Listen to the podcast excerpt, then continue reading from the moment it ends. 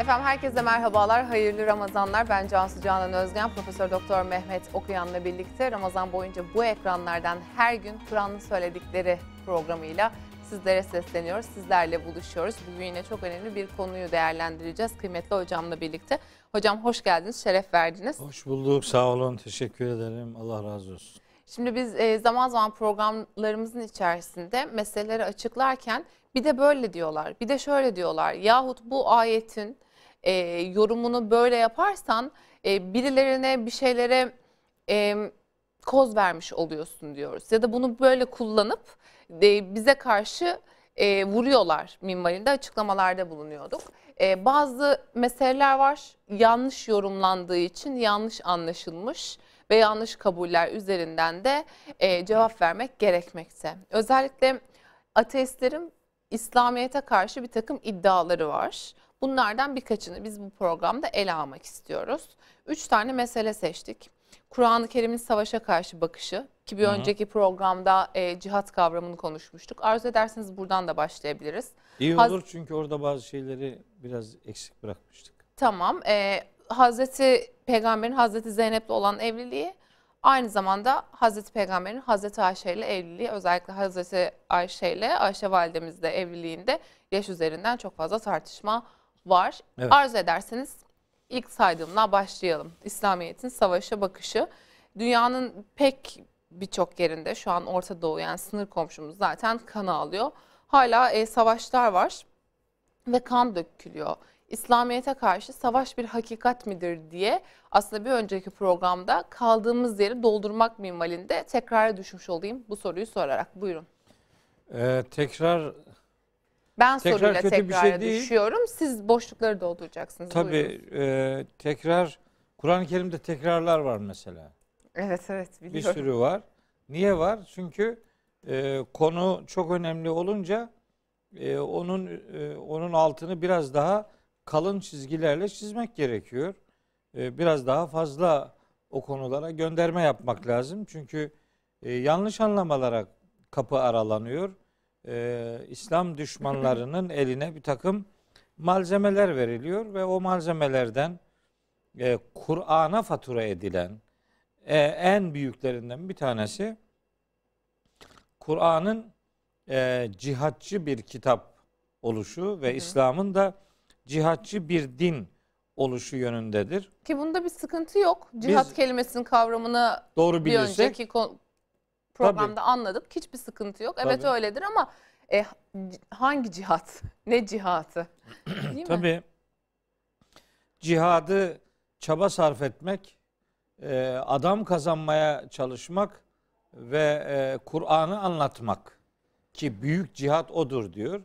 Hatta Hazreti Peygamber öyle bir savaştan döndüğünde onu o bu ayete dikkat çeken bir ifade kullanmış. Raca'tu minel cihadil asgar ilel cihadil ekber. Yani fiili bir savaştan dönerken küçük cihattan şimdi büyük cihada dönüyoruz diye yani İslam'ı anlama ve yaşama e, ideali peygamberimizin dilinde büyük cihad olarak yer bulur ve doğrusu da odur. Çünkü o hepimizden çok daha iyi biliyordu ki asıl cihat Kur'an'ı anlatarak yapılandır.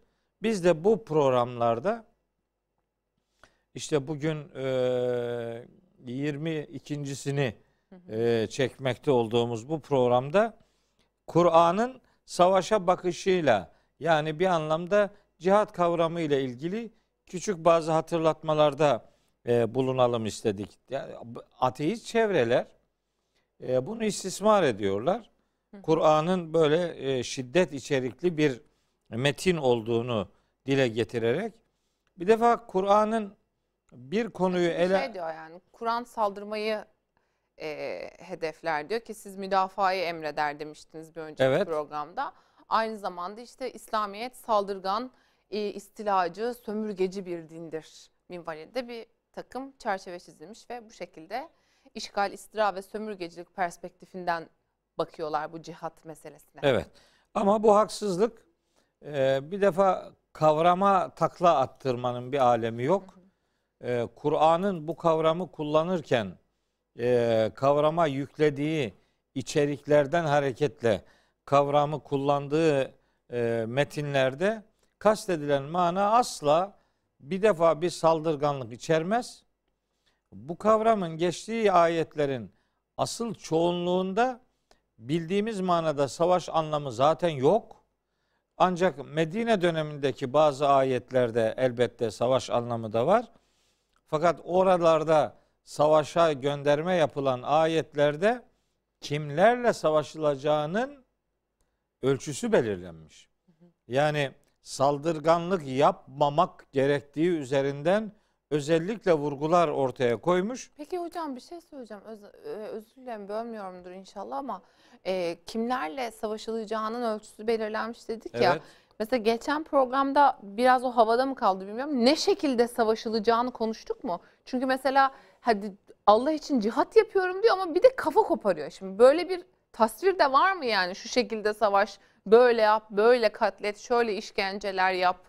Yok meselenin öyle işkence boyutu diye bir şey söz konusu değil ama savaş savaş fiilen e, karşı taraftaki düşman sizi öldürmek üzere faaliyet içerisindeyken siz de canınızı kurtarmak ve onun öldürme potansiyelini ortadan kaldırmak için siz de savaşta insan öldürürsünüz. Nihayetinde saldırgan taraf siz olmadığınız sürece ve hunharca katletmek gibi bir durum söz konusu olmadığı sürece savaşta karşı tarafın sayısını eksiltmek ya da onların beri tarafa doğru e, biraz daha zarar verme gücünü kırmaya çalışmak, savaş araçlarına diyelim el koymak ve insanların o anlamda düşmanların gücünü kırmaya gayret etmek, hatta onların savaşma azmini ortadan kaldıracak şekilde caydırıcı bir unsur olarak da savaş için kuvvetler hazırlamak ve böyle besili atlar hazırlamak diye de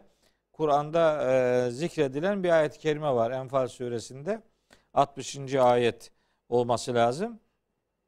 Savaş hukukunda e, Kur'an'ın söylediği e, yani böyle e, ya adamın derisini yüzmek gibi filan böyle bir hunharca katletmek veya yakmak gibi e, böyle şeyler elbette yok. Hiçbir şekilde onlardan söz edilemez. Ama savaş için biri gelmiş sizi öldürmek üzere cepheye çıkmış, e, alana çıkmış. E, sizin yapacağınız şey ona karşı kendinizi korumaktır. Nihayetinde savaş fiilen mağdur kaldığınız, e, mazur kaldığınız, maruz kaldığınız bir pozisyon varsa kendinizi korumak ve karşı tarafı o anlamda etkisiz hı hı. kılmak için elden gelen yapılır. Bunda garipsenecek bir şey asla yok. Burada önemli olan karşı taraf dediğimiz insanların fiilen savaşı başlatan taraflar olmasına dikkat çekmektir. Hı hı. Yani durduğu yerde duranlara herhangi bir saldırganlık asla ve asla e, caiz görülmemiştir, doğru görülmemiştir. Hatta saldırganlık yapmayın diye bir emir vardır Bakara suresi 190. ayette. Yine aynı ayette Allahü Teala'nın saldırganlık yapanları sevmediğine dair de bir bilgi vardır. O 191, 192, 193'te de onun biraz daha açılımları söz konusudur. Şimdi geçen program e, hatırlat sadece numarasını söylemiştim. Şimdi ayetine e, ufak bir gönderme yapayım. Bakın Nisa suresinin 89. 91 90. ve 91. ayetleri var. Hepsini okumayacağım. Ancak e, ilgili cümleleri okumak istiyorum. 89. ayette diyor ki Allahu Teala Veddu lev tekfurune kema keferu. Bu münafık tipler kendilerinin kafir olduğu gibi sizin de kafir olmanızı isterler. Fetekûnûne sevaen böylece eşit olmanızı arzu ederler. Küfürde eşit olmanızı isterler bu münafıklar. Fela tettehizû minhum evliya. Onlardan sakın ha dostlar edinmeyin. Sizi küfre çağıran, imana karşı size küfrü sevdirmeye gayret edenler babanız ve kardeşiniz bile olsa onları dost edinmeyin diye Tevbe suresinde uyarı var. Yani o çok ciddi bir konudur. İmana karşı küfrü savunmak Kur'an'da dostluk edilmemenin önemli gerekçelerinden biridir. Tevbe suresinde Rabbimiz onu söylüyor. Böylelerini dost edinmeyin. Hatta yuhaciru fi sebilillah Allah yoluna hicret edinceye kadar. Yani Allah yoluna gelinceye kadar böyle bir dönüşüm sağlayıncaya kadar. Sonra diyor ki fe in tevellev. Şimdi bunlar sizinle uğraşıyorlar. Sizi kafir yapmak istiyorlar. Artık e, elinizdeki her türlü imkanları elinizden de muhtemelen almaya gayret ediyorlar. Fiilen bir savaş potansiyeliyle, savaş durumuyla e, yüz yüzesiniz, karşı karşıyasınız. Böyle bir durum olduğunda fakuduhum onlar sizi yakalayacak yerde siz onları yakalayın. Vaktuluhum haythu vecettumuhum. Onları bulduğunuz yerde öldürün. Onları. Onlar dedi işte bu Bir fitne le- yapanlar. L bağlacından bahsetmiştiniz. o D- burada- D, İngilizce'de karşı D olan. İşte burada o el yok. Ha, el. Yani belirteç takısı yok ama onları diye bir zamir var. Evet. Onlar dediğiniz zaman bu kim? Bunun arkasındaki ayetlere bakıp onlar ifadesinin kimi karşıladığını görmek gerekiyor. Yani gramatik olarak bu bir zorunluluktur. Ve la tettehizû minhum veliyen ve la nasira. Bunlardan dost da yardımcı da edinmeyin diyor. Fakat diyor illellezine yasilûne ila kavmin beyneküm ve beynehum misakun. Yani aranızda antlaşma bulunan milletler vardır. Onlara karşı böyle bir tavır içerisine girmeyin. Yani anlaşmanıza sadık kalın. Anlaşmaya karşı bir sadakatiniz olsun. Ola ki diyor eğer fe ini'tezelûküm. Hani anlaştınız fakat anlaşma e, sonrasında adamlar anlaşmaya sadık kalarak size karşı bir savaş içerisine girmiyor. Fe ini'tezelûküm yani sizinle didişmeyi tercih etmiyor, ayrılıyor. İtizal ediyor demek ayrılıyor demektir yani. Ayrılıyor, başka bir e, kendi meşguliyetleriyle uğraşıyor. Başka taraflarla ilgileniyor. Sizden itizal etti demek sizinle didişmiyor demektir. Ayrılıyor. Eğer ayrılırlarsa, bunlar sizinle uğraşmazlarsa felem yukatilûküm eğer bu adamlar sizinle fiilen savaşmazlarsa eğer ve elkav ileykümüs seleme ve bir taraftan da sizinle barış içinde yaşamak istiyorlarsa, bir barış eli uzatıyorlarsa, barış sözü size ulaştırıyorlarsa fema cealallahu leküm aleyhim sebila bunlarla ilgili olarak Allah onlara saldırmanızla ilgili size herhangi bir yol açmamıştır. Hmm. Şimdi bu ayet burada dururken bu Nisa suresinin 90. ayeti. 89'dan başladım. 90'a geldim ve bu burada kiminle savaşılmayacağını ve kiminle savaşılacağını açıkça ifade ediyor. E, 91. ayette de bu biraz daha e, detaylandırılıyor. Bu defa diyor ki Allahu Teala Fe inlem ya'tezilûküm. Bu insanlar eğer sizden ayrılmazlarsa, yani sizinle uğraşırlarsa, didişirlerse, eee ve yulgu ileykümüs seleme ve küfü eydiyehum ve e, sizinle e, sizden uzak dururlar, sizinle barış içerisinde yaşamak istemezlerse, yani savaş istiyor adam. Hı hı. Ve küfü eydiyehum böylece ellerini de size saldırmaktan geri çekmiyorlarsa bu adamlar heh, o zaman fekuduhum onları yakalayın vaktuluhum onları öldürün haythu tekiftumuhum nerede yakaladıysanız. Yani seninle uğraşıyor, seninle savaşmak istiyor, seninle barış içinde yaşamak istemiyor. Sürekli sana uzanan ellerini senden çekmiyor işte. Uğraşıyor yani. Elinden ne geliyorsa onu yapıyor. Böylelerini bulduğunuz yerde öldürün. Ve ulaiküm cealna leküm aleyhim sultanen mübina. İşte böylelerine karşı size ap açık bir yetki verdik. Yani onlarla savaşılması gerekiyorsa savaş. Çünkü adamlar savaşıyorlar. E bu detaylar şimdi burada dururken bunları söyleyen bir kitabın durduğu yerde duranlara savaş açın demesi söz konusu bile olmaz. Hiç kimsenin Allah'ın kitabına böyle bir iftirada bulunmaması gerekir. Bakın biraz daha ileri düzeyde bir şey söylemek istiyorum. Gene Kur'an'dan bu kitaba iftira atanlara bu kitaptan cevap olsun diye bu ayetleri okumak istiyorum. Diyor ki Allahü Teala nerede söylüyor? Tevbe suresi 6. ayette. Bakın diyor ki ve in ahadun minel müşrikine bu müşriklerden herhangi biri istecareke eğer senden güvence isterse yani adam savaş halini bıraktı senden güven güvence istiyor. İstecareke yanına senden güvence istemek senin onu sahiplenmeni istemek yani. Sana sığınırsa feecirhu onun bu isteğine cevap ver. Yani onu yanına al. Evet. Komşu edin onu. Al onu. O isteğini yerine getir. Hatta yesma kelamallahi. Hani ola ki Allah'ın kelamını dinler, hakikati öğrenir ve Müslüman olur. Çünkü adam fiili savaş durumunda değil. Geliyor senden yardım istiyor mesela. Bu adama yardım et diyor. Böyle ki belki Allah'ın kelamını dinler. Thümme sonra ebliguhu me'menehu. Bu adam ister Müslüman olur, ister Müslüman olmaz. O onun bileceği iştir. Sen bu adamı güven içinde bulunacağı yer neresi ise oraya kadar götür diyor. Tabi Tevbe suresinin 6. ayeti.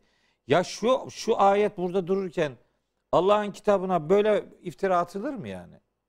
O 5. ayette bulduğunuz yerde öldürün diye tercüme edilen ayet o fiilen antlaşmayı bozup savaş durumunu isteyen o müşriklerle alakalıdır. Evet. Bir de Durduğu yerde duranlarla yani ilgili değil. sen o seni bulduğu yerde öldürecek. Sen onu bulduğu yerde öldürmezsen evet, muhtemelen. çünkü savaş orada bir cephede o nerede bulursan öldür. Hani ben e, bu Tevbe suresinin daha 6, 7, 8, 9, 10, 11, 12, 13. ayetlerini de okumak isterim ama diğer başlıklara e, e, gelemem diye korkuyorum. Fakat burada çok belirleyici bir ayet daha var. Onu Geçen alalım. program o ayete gönderme yapmıştım ama ayeti okumamıştım. Şimdi okumak istiyorum. Bakar adamı. Onu Bakara. okudum bir tanesini. Diğerlerini gene okumadım. Tamam. Hac suresindekileri. Ha. Hac suresindekini okumamıştım. Bakın orada zaten bütün mesele ortaya dökülüyor. Hiç başka bir şey demeye gerek yok yani. Diyor ki Allahu Teala Hac suresi 22. surenin 39. ayeti. Estağfirullah.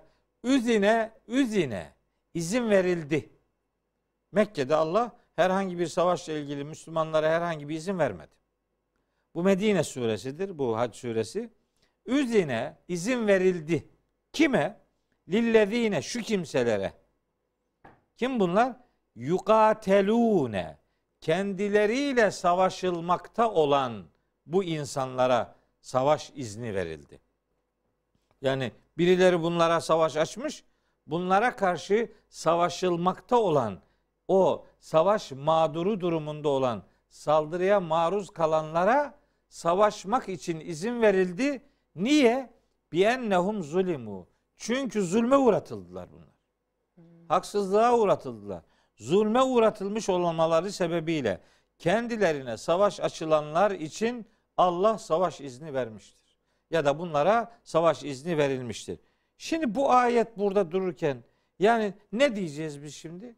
Bu kitap saldırganlık e, içeriyor. Hayır öyle bir şey içermiyor yani. Bu kitaba iftiradır bu. Bu kitabın savaşla ilgili bütün söyledikleri aşağı yukarı bu minvaldedir. Saldırana karşı kendini savunmak, hatta o saldıramasın diye caydırıcı bir güç ortaya koymak Enfal suresi 60. ayette geçiyor. Kur'an'ın ötekiyle ilişkisinde belirleyici olan unsur karşı tarafın saldırgan olmamasıdır. Saldırganlık yapmıyorsa daha önceki bir programda okumuştum. Mümtehine suresinin 8. ayetinde Allahu Teala diyor ki sizinle savaşmamış, sizi yerinizden yurdunuzdan çıkarmamış insanlara iyilik yapmanızı ve onlara adaletli davranmanızı Allah yasaklamıyor. Allah adaletli davrananları elbette sever diyor. Evet. O 8. ayet. Size sadakanın da siz dini olmaz demiştiniz sadaka, infak konusunu Tabii, konuşurken. O da o da öyle. Yani e, bizim Yani bu amacımız işte adam Hristiyan, kazanmak. bu işte inanmıyor. Ben buna yardımda bulunmayayım ama işte yiyecek ekmeği bulamıyor çoluğu çocuğu var. Hani biz buna bunlara hep kardeşlerimiz gözüyle bakıp Tabii. insan e, kardeşi. sorumluyuz yani. Tabii. insan kardeşiyiz. İnsanlar üç türlü kardeştirler. Bir biyolojik kardeş, iki insan kardeş, üç din kardeş. Din yani. kardeşi. evet. Kardeş o da kardeş.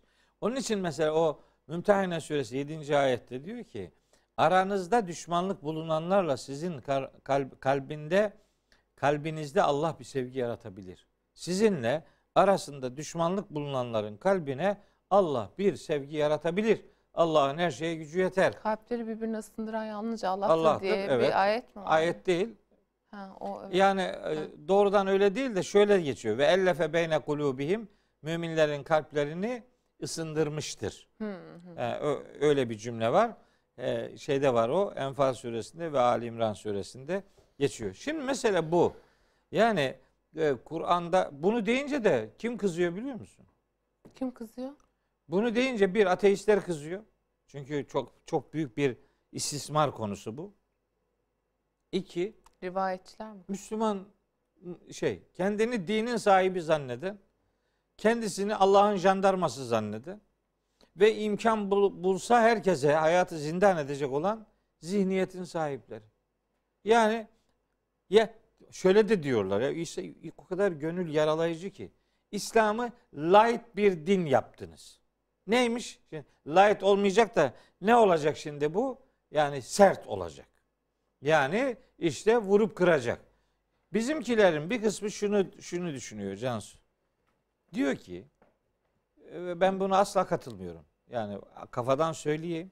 Bizimkiler diyor ki bizim mevcut bizim gibi düşünen adamlar bize yeter. Hı hı. Başka birinin yani canı cehenneme. Bana A- ne diyor? Az ve öz diyor. Biat, biat kültürü var çünkü Yani- orada. Halbuki ben diyorum ki arkadaş ya ne demek bu kitabın mesajı herkese ulaşacak.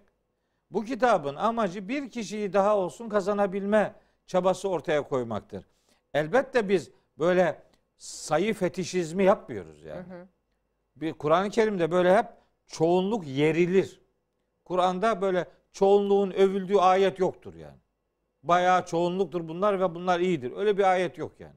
Çoğunluk hep yerilir. Bunların çoğu şöyledir, böyledir diye e, bir sürü ayette geçer. Bir de şunu söylemek isterim.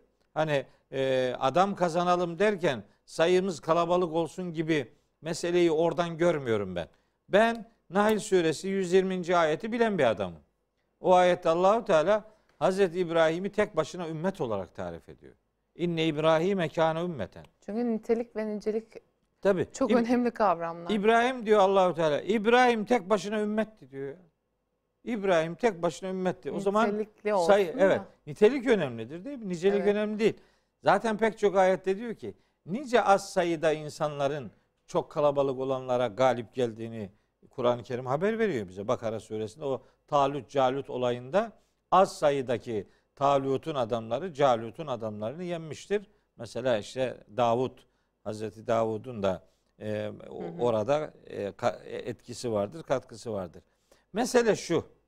Biz kalabalık üzerinden mesaj vermiyoruz. Ancak bizim maksadımız İslam'ın mevcut kaç kişi inanıyorsa bu bana yeter, başkası beni ilgilendirmez diyemeyiz arkadaş. Allahu Teala Hazreti Musa'yı ve Hazreti Harun'u iki peygamberi birden Firavun'a gönderdi. Niye? Ve onları gönderirken dedi ki İzheba ila firavune. Bu Firavun'a gidin. İnnehu taga bu iyiden iyi azdı. Fekula lehu kavlen leyyinen. Ona yumuşak sözler söyleyin. Leallehu yetezekkeru ev yakşa. Belki gerçeği hatırlar ya da Allah'a saygı duyar. Yani bu alemde Firavun'a bile iki tane peygamberin gönderilmesi gibi bir tecrübe yaşandıysa bu alemde Firavundan daha zalim kimse yoktur. Evet ama işte sizin bahsettiğiniz zihniyet zaten e, en önemli sıkıntı kendilerini putlaştırdıkları için bunun farkında olmadıkları için o beğenmiyor yani. O mesela atıyorum bizim daha önceki yayınlarda tecrübe ettiğimiz gibi neredeyse adam bir tweet attı. Ben de erkek biriyle hocayla yayın yapıyorum. Benim hani az kalsın katlim caizdi yani. Biliyorsunuz neler yaşadık. Biliyorum. Yani e, adam beni beğenmiyor ki mesela. Ben ona göre zaten din konuşamam. Şu suretle, bu şekil, bu cisimle. Yani dolayısıyla asıl problem oradan başlıyor. Asıl insanları kategorize oradan başlıyor. Sonra da işte onlar kendi kapalı dünyalarında kendileri e, kendi yaşam şekline göre ya da kendilerini daha güçlü kılmak adına bir takım yorumlar getiriyorlar. Bunu, bunu da din adına satıyorlar. Evet yani yapıyorsa, yorumunu yapıyorsa kendisi yapsın da bundan birilerini cezalandırmak, birilerini ötekileştirmek, birilerini efendim düşman haline getirmek, birilerini din dışı ilan etmek gibi Evet, kimsenin evet. bir hakkı yok. Kimsenin bir haddi yok. Dinin kimse jandarması değildir ya. Dinin sahibi Allah'tır. Ve biz bu dini öğretileri herkese ulaştırmakla yükümlüyüz. Yani biz böyle bir siyasi organizasyon gibi değiliz.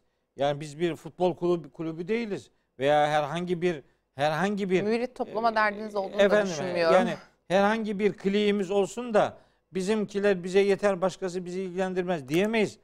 Diyemeyiz çünkü Allahü Teala Hazreti Peygamberi bütün insanlara gönderdi. Ne demek bu? Allahü Teala Hazreti Peygamberi bütün insanlara nasıl gönderdi? Gidebildi mi peygamberimiz bütün insanlara? Nasıl gitsin? Buna imkan var mı? Yani Arabistan Yarımadası'nın ötesinde bir yere gidemedi. Ama o mesaj bütün insanlığa ulaştırılsın demektir. Zaten En'am suresi 19. ayette diyor ki ve uhiye ile yahazel Kur'an. Bu Kur'an bana indirildi, vahyedildi. Niye? Li unzireküm bihi ve men belaga. Onunla sizi ve kime ulaşabiliyorsa onu uyarayım diye. Kime ulaşabiliyorsa. Bu din milli ve ırkı bir din değildir. Bu dini öğretiler coğrafik ve yöresel bir içerik arz etmez. Bunlar evrenseldir. İddiamız oysa çabamız da ona göre olacak. İddianız büyükse fedakarlığınız da büyük olacak. İddia koca, fedakarlık minik. Böyle bir sonuç alınmaz. Bizim davamız yani elbette adam kazanmak ama nihayetinde bize gel demiyoruz zaten. Ben hiçbir zaman bize gel benim gibi düşün filan demedim. Ben sadece kendinize gelin diyorum. Fıtratınıza gelin. Bana ne geleceksin ki yani? Ben ben kendi hesabını vermekten adamım. derdiniz Bana- başınızdan bana ne aşkın. yani? Evet hiç Bir de kimse kimseyle uğraşamazsınız. Evet, siz hiç biliyorum. öyle bir derdim yok. Hiç öyle bir klik filan. Ben üniversitede öğretim üyesi bir adamım. Milletin çocukları okulu kazanıyor. Ben de onlara Kur'an anlatmaya, Kur'an anlamanın ilkelerini onlara öğretmeye çalışıyorum. Beni onlara verdiğim bilgiyle hatırlasınlar. Benim cemaatim yok, grubum yok, e, tarikatım yok, partim yok, Allah şahit yok. bu işten hiç, Hiç. para aldığınıza da şahit olmadım. Sıfır. Evet bu hizmetlerden bir tek kuruş para almadığımı en iyi sen biliyorsun Evet. yani. Hatta ben benim kızdığım hususlar da var yani bu emeklerinizin karşılığı bu işte mesela e, tefsir meal kitabını gösteriyorum. Bunu bile bedavaya yüklemiş hoca internete. Diyorum Evet. ki yani emeğinizin karşılığıdır vesaire vesaire. tabii, Sizi emeğimin bilen karşı- çok iyi biliyor. Tabii tabii emeğimin karşılığını zaten fazlasıyla alacağım. Allah verecek değil mi? ediyorum. Evet. İnşallah. İnşallah Evet. hocam. Şahidim yani. Şimdi e, son 10 dakikamız kaldı. İki önemli mesele var. Evet. Hazreti Ayşe ile Hazreti Peygamber'in evlendirilme meselesi, evlendirilme yaşı meselesi daha önce de defalarca konuşmuştuk. Özellikle Evet. bu kız çocuklarının evlendirilme yaşı çok fazla konuşuluyor. Bu yani bir din e, hocası olarak size şunu sormak isterim. Yani din alimi ola- olarak yani doğru Kur'an ifade talebesi. Kur'an talebesi diyeyim evet şimdi ne söylesem e, titirleri de hiç sevmez hocam. Bir Kur'an talebesi olarak size soruyorum. Bu neyin konusudur? Yani din dinin bu işin içine kızın kız çocukların evlendirilme yaşına girmesi doğru bir şey mi? Ve bu Yanlış- mesele nedir? Evet yanlışlar vardı. Yanlış uygulamalar vardı. Kur'an onları düzeltiyor. Kur'an'ın düzelttiği bir konuyu tersinden Kur'an'a fatura ediyorlar. Nedir hocam Böyle işin korkunç. doğrusu? Mesela Hazreti Zeynep'le evliliğini Ya, de konuşacağız. evet, Beş, yani- beşer dakika konuşalım olur mu şimdi lütfen? düşünün ki Allahu Teala nikahla alakalı bir şey söylüyor. Yani Kur'an'ın nikah konusunda e, sessiz durduğunu kimse söyleyemez. En detaylı ele aldığı konulardan biri budur. Hı hı. Mesela Nisa suresinde diyor ki 6. ayette Vebtelül yetama yetimleri deneyin hatta belagun nikahe nikah çağına ulaşıncaya kadar. Nikah çağı diye bir çağ var. Bak böyle bir kavram getiriyor. Bizimki bunu nasıl anlıyor biliyor musun? Bülü çağı diyor. Evet evet. Bülü çağı demiyor Allah. Başka bir şey söylüyor. Bülü çağı deseydi hatta iza belagul hulume derdi yani. Çünkü o kelimeyi kullanıyor mesela Nur suresinde var. Ya arkadaş onu söylemiyor başka bir şey söylüyor. Orada ibadetlerin e, hani sorumlu olacağımız zaman bulu Evet, onu bulu. vurguluyor evet. Evet çünkü o e, Nur suresinin Oradaki başlangıcı, orijinden bahsetmek için bulu'dan bahsediyor tabii Allah bir Teala. takım yasakları işte buluğla Aha, ilişkilendiriyor. evet. e, Nur suresinin 58-59. ayetlerinde filan o başka bir şey. Burada nikah çağı diye bir kavram koyuyor. Yani Arapların içerisinde böyle çocuklarla evlenenler vardı. Yeni ergen olmuş çocuklarla evlenenler vardı. Hocam hala var Ba- ya. hala da vardır. Evrensel bir sorun Bak, asla ama- bitmiyor maalesef. Ya elin alemin adamı bunu yapıyorsa e, o kendi bilir. Yapmasın. Ya bunu din adına ya sanki Kur'an böyle bir şey diyormuş gibi. Bunun Kur'an'a fatura edilmesi kanıma dokunuyor ya.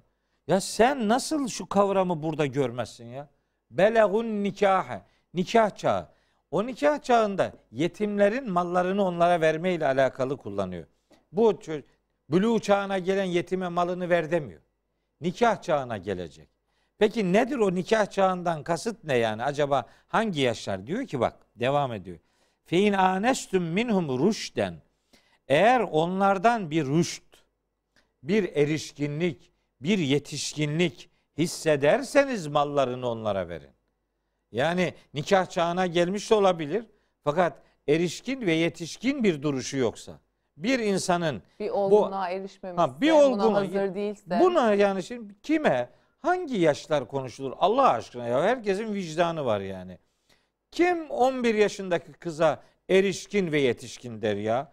Kim 14-15 yaşındaki kız çocuğuna bu erişkindir ve yetişkindir der? Ay Hayır böyle bir şey olabilir mi ya? Böyle görüyoruz Orta Doğu'da haberlerde görüyoruz böyle yaşlı başlı adamlar küçücük çocuk bebek dersin yani. Şimdi Hastalar yani. yani hesabını Allah'a vereceklerdir. Bunun İnşallah. faturasını bize kesmesinler.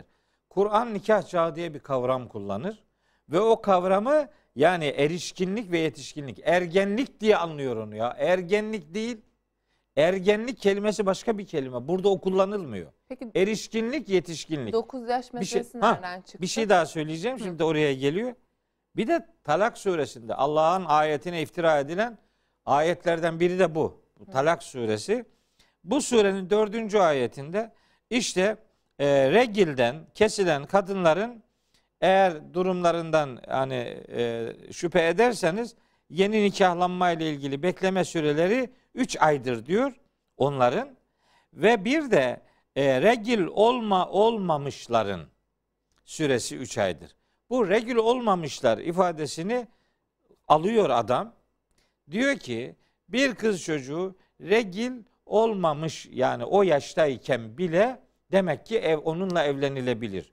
Ya arkadaş bu ayette henüz regül olmamış demiyor. Bir sebeple regül olamamış demektir bu. Çünkü siz biriyle evlenme gibi bir bir konunun içindeyseniz sizin bakacağınız ilk ayet bu değil. Sizin bakacağınız ilk ayet Nisa suresi 6. ayet. Burada evlilik yaşanıyor. Kadının belli bir yaşı var. Bir sebeple işte regil olamıyor. Böyle olunca bu ve biriyle evlenmiş ve boşanmış diyelim. Bu yeni bir evlilik yapmak için ne kadar bekleyecek? Bir evlenme Hamile boşanmış. olup olmadığını anlamaya Anlayacak. getirecek kadar Evet, bekliyor. Çünkü zaten işte. o mazeretli olamadığı için bir periyot dönemine giremediği için Evet. E, anlayamıyor hamile olup olmadığı. Başkasıyla evlenmeden önce hamileyse sıkıntı olmasın diye bir bekleme Tabii yani süreci babası var. kimdi, çocuğun ailesi kimdi ya çok insancıl bir Çok, şey. Şu evet. ayeti adam kalkıp diyor ki bak onların dediği gibi bir mana olsaydı yani henüz regil olmamış manası olsaydı bu vellai lem yahidne olmayacaktı. Vellai lemma yahidne olacaktı. O lem edatı boşuna gelmedi oraya. Onun orada verdiği mana ile lemma edatının verdiği mana farklı. Lemma o manayı verir ama burada o edat yok. Şimdi bu, bu burası dururken yani ya bir de bu var ya bu ayetten çıkartılan şey hiç ergen olmamış kız çocuklarıyla da evlenilir. Ya bu Hocam nasıl çok- denir ya? Çok iğrenç, Ne çok korkunç bir şey. yani. Ya bir kendi de hani- sapık zi- işte böyle her şey yor- yorum katıp katınca böyle kendi sapık zihniyetlerini de katabiliyorlar işte. Ama Pe- Hazreti Peygamber'in 9 yaşında Ha, Hazreti Ayşe ile evlendiğini buna delil gösteriyorlar. Tabii, evet. O nereden çıktı? Bu 9 Ha. neden mesela atıyorum 7 demediler 9 dediler, 12 demediler 9 dediler. Bir Tabii. bunun hikmeti vardır Var tabii, yani. Var tabii. Yani hangi akıl kabul eder ki peygamberimiz 9 yaşında bir çocukla evlendi ya? Bu, bu, olacak iş mi yani? Yani çok korkunç Efendim, olurdu. Yani bu, Diyor ki var diyor bu. her şeyi çöpe atmak gibi bir şey Sağda olurdu. solda var yazılıyor. Beni ilgilendirmiyor nerede yazdığı. Hazreti Peygamber'in döneminde Hazreti Ayşe peygamberimizle evlenmeden önce biriyle bir nikah nişan süreci de yaşamış. Hı hı. Bakın Araplarda yaş belirlenmesiyle alakalı iki usul var. Bu biri kız çocuklarını diri diri gömüyorlar ya. Kaç yaşlarında o çocukları gömüyorlar aşağı yukarı? İki- 8-9. 8-9 8-9 yaşında tabii. mı? Giydiriyor, süslüyor. Böyle annesine diyor ki bunu dayısına götüreceğim falan diye. Çocuğu Ay. hatta çocuk önceden kazdığı bir koyunun Ben kenarına. doğar doğmaz gömüyorlardı. Hayır sanki. hayır hayır. 8-9 yaşından çünkü hemen gömmüyor. Niye? Ay. O kız çocuklarını satın alanlar var ölümden kurtaranlar. Hani belki bunu biri alır diye büyütüyor bir 8-9 sene. Cariye Bak, yapar. bakıyor ki evet. Bakıyor ki bunu kimse almıyor. Önceden kazdığı kuyunun kenarına getirip çocuğu oraya atıyor. O çocukların, kız çocuklarının yaşı e, o o 8-9'lu yaşlara kadar bu hani sağ mı kalacak mı kalmayacak mı belli değil. Çünkü bu 9 yaşına 8-9 yaşına gelince öldürülebilir de babası tarafından. Hiç belli olmaz. Kız çocuklarının yaşı o 8 ve 9 yaşından sonra e, anılır. Yani bu kız 2 yaşındaydı demek 9 artı 2 demektir. Hazreti Peygamber Hazreti Ayşe ile Hmm. o zaman 9 18 yaşında yaşındaymış. En az Sizin man- 18. mantığınız. Tabii. Evet. Bir Ya bu, bu mantıkla, bu hesaplama biçimiyle. Bir. Sizin değil. evet bu bu bu, Bu doğru, doğru, doğru bir, bir şey tabii. çizelge. Bir kaldı ki o Hazreti Ayşe'nin e, Esma ablası üzerinden de bir şey var. E, bir hesap var. Zaten gene 18'e çıkıyor. Bir, bir 18'lik bir durum daha var. O da Araplarda kız çocuklarının yaşı regilden sonra hesaplanır diye de bir usul var. Ay şimdi başladı 0-1 diye. Ha, evet. Yani bir yaşında demek 9 artı 1. Ne zaman regil olduysa artık 10 artı 1 demek. Yani Peygamberimiz Hazreti Ayşe Ya da ile belki 21 yaşında, 12 yaşında, 14 yaşında Tabii olduysa işte. 23 yaşında. ha, onun üzerine ilave edilir. Ki hani sıcak coğrafyada o- 12'lerde falan diye. Ne, neyse işte ne zamansa Biyolojik olarak. 9 demek onun onun yanında artı bir 8 artı bir 9 veya artı bir 10 mutlak surette var demektir. Hmm. Dolayısıyla Hazreti Peygamber Hazreti Ayşe ile filan öyle 8-9 yaşında filan asla ve asla evlenmiş değildir. Peki. Böyle bir şey akla ziyandır. Peki. Bu, Bu- konuyu bitirdik evet. mi? Ee, şimdi Hazreti Zeynep'le evlenmesi meselesi var ama aslında çok güzel bir yerde noktaladık. Ee, kız çocuklarına Arap Yarımadası'nda bakış açısından bahsettiniz. Tam e, kölelik ve cariyelik konusunu konuşmak istediğimiz bir noktada bıraktık. Bu Hazreti Zeynep'le evlenmesi meselesini de kölelik konusunun içerisinde yedirmiş oluruz. Hani evlat alınma vesaire diye. Bunları konuşuruz. Çok teşekkür ederiz hocam. Peki, ben Ağzınıza teşekkür sağlık. ederim. Efendim Sağ olun. sizlere de çok teşekkür ederiz bizleri izlediğiniz için. Hayırlı Ramazanlar diliyoruz. Yarın görüşmek üzere.